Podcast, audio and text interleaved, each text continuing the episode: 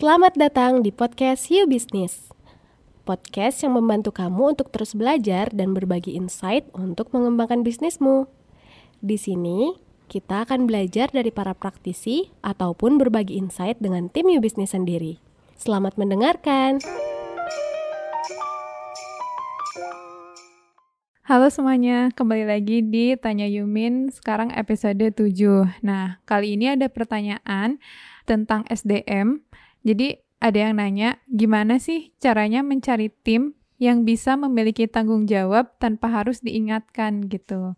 Nah, langsung aja ya dengan CEO kita, Mas Salman, gimana nih?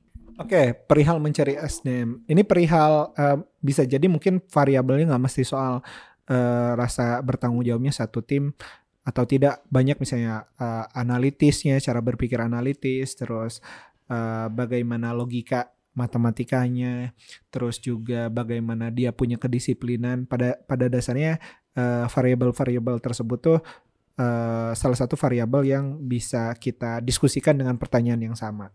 Nah, uh, pada hakikatnya sebenarnya mungkin ada ada secara garis besar ada dua orang dua jenis manusia. Yang satu yang punya keahlian secara cepat untuk membaca orang, yang kedua yang tidak bisa cepat membaca orang. Kalau di beberapa ilmu pemetaan bakat ada istilah individualization. Jadi uh, ada orang tuh misalnya di UB UB sendiri tuh Kevin, Kevin tuh dan siapa lagi ya yang di UB punya ke keahlian buat baca orang secara cepat tuh? Yang salah satu yang aku kenal dan aku pernah ngobrol langsung tuh Kevin. Jadi uh, aku wawancara satu orang pakai proses yang cukup agak panjang. Nah, Kevin butuh waktu sebentar aja buat bisa menyimpulkan orangnya seperti ini. Nah, kita harus paham dulu sebenarnya kita termasuk kategori yang mana. Apakah kita cepat membaca orang atau tidak. Pada dasarnya pun ketika tidak pun kita bisa belajar keilmuan-keilmuan hal tersebut. Nah, asumsikan misalnya ketika kita tidak punya keahlian tersebut karena kalau udah punya keahlian mungkin uh, untuk apa dibahas ya.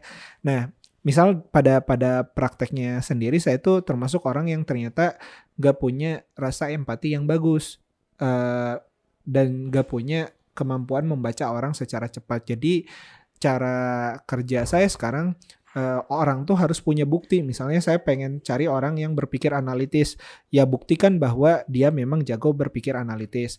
Misalnya ada juga orang yang uh, bisa bertanggung jawab, buktikan bahwa dia memang bertanggung jawab. Nah, Bukti-bukti ini bisa dibikin studi kasus studi kasus kecil misalnya berpikir analitis orang ini bisa diminta buat ngerjain beberapa studi kasus bagaimana nanti dia memaparkan kasus-kasus tersebut. Nah, pada konteks tanggung jawab pun sesederhana misalnya kita kasih tanggung jawab kecil, misal pas lagi wawancara uh, kita minta dia bawa uh, tugas A B C D. Nah, pada pada tahapan kecil saja di, bisa dilihat sebenarnya dia uh, bawa tugas ABCD-nya nggak. Terus misalnya di UB lagi kita minta dia buat uh, ngerjain resume video ya, ngeresume video dalam waktu dua hari. Ada beberapa banyak video yang harus dikerjakan. Nah dia beneran bertanggung jawab nggak terhadap tugas tersebut. Nah itu contoh uji-uji kecil yang mana dari ujian-ujian kecil ini sedikit banyak bisa menggambarkan bagaimana pola dia bekerja. Uh, dari sana saya uh, mengambil kesimpulan orang ini cukup bertanggung jawab apa tidak.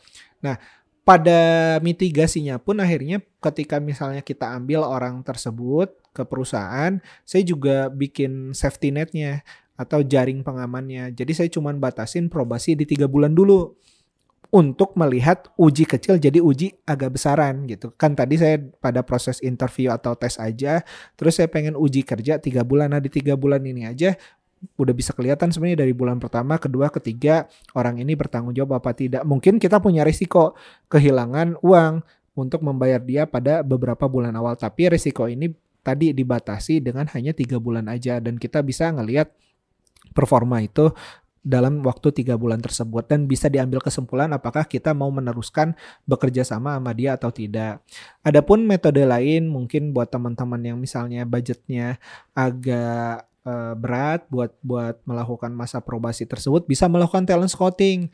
Misal dengan melakukan pengamatan-pengamatan kepada komunitas atau organisasi tertentu.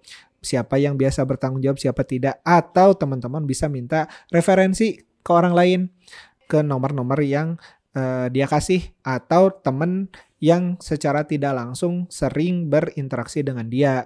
Nah, kita bisa minta ke pendapat ke beberapa orang kan nanti harus menentukan juga pertanyaan yang tepat ya.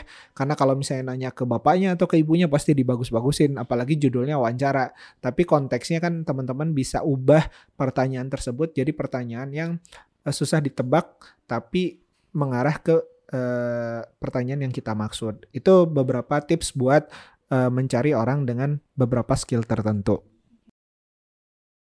Sebenarnya kalau rekrut SDM tuh lebih enak kalau dari awal tuh dua pihaknya jujur gitu nggak sih Mas Salman? Kayak ketika misalnya aku sebagai karyawan terus aku mau apply ya aku jujur aja aku bisanya apa, tertariknya apa, ekspektasi terhadap perusahaan gimana dan perusahaan juga sama gitu.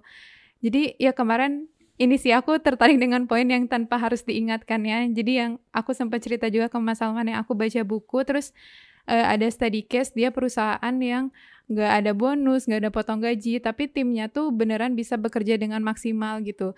Nah, salah satu alasannya karena mereka mengandalkan motivasi intrinsik dari setiap timnya gitu. Jadi timnya yang emang udah tahu mereka di perusahaan ini mau ngapain, uh, bukan cuma sekedar untuk gaji, tapi beneran yang misalnya dia di rumah perawatan ya dia kerja di situ untuk merawat gitu, untuk memberikan pelayanan. Sebenarnya kalau setiap orang idealnya gitu ya, setiap orang kayak gitu kayaknya bisa lebih enak gitu ya perusahaan itu berjalan gitu sih. Nah itu bagus banget Liana memang pada dasarnya uh, saya juga agak skeptis ya dengan dengan tips-tips misalnya wawancara kerja dan sebagainya. Tapi pada dasarnya kan nanti dia akan menjalani kehidupan yang sesungguhnya kalau kita memanipulasi diri kita sebagai talent misalnya kita ingin tampak seperti apa nanti kamu harus mempertahankan image tersebut dalam kurun waktu yang lama jadi apa adanya aja sih menurut saya dan clearkan ekspektasi di depan gitu. Sayangnya ternyata mungkin ada beberapa orang yang udah lama nggak dapat kerja, jadi dia harus bagus-bagusin dan sebagainya.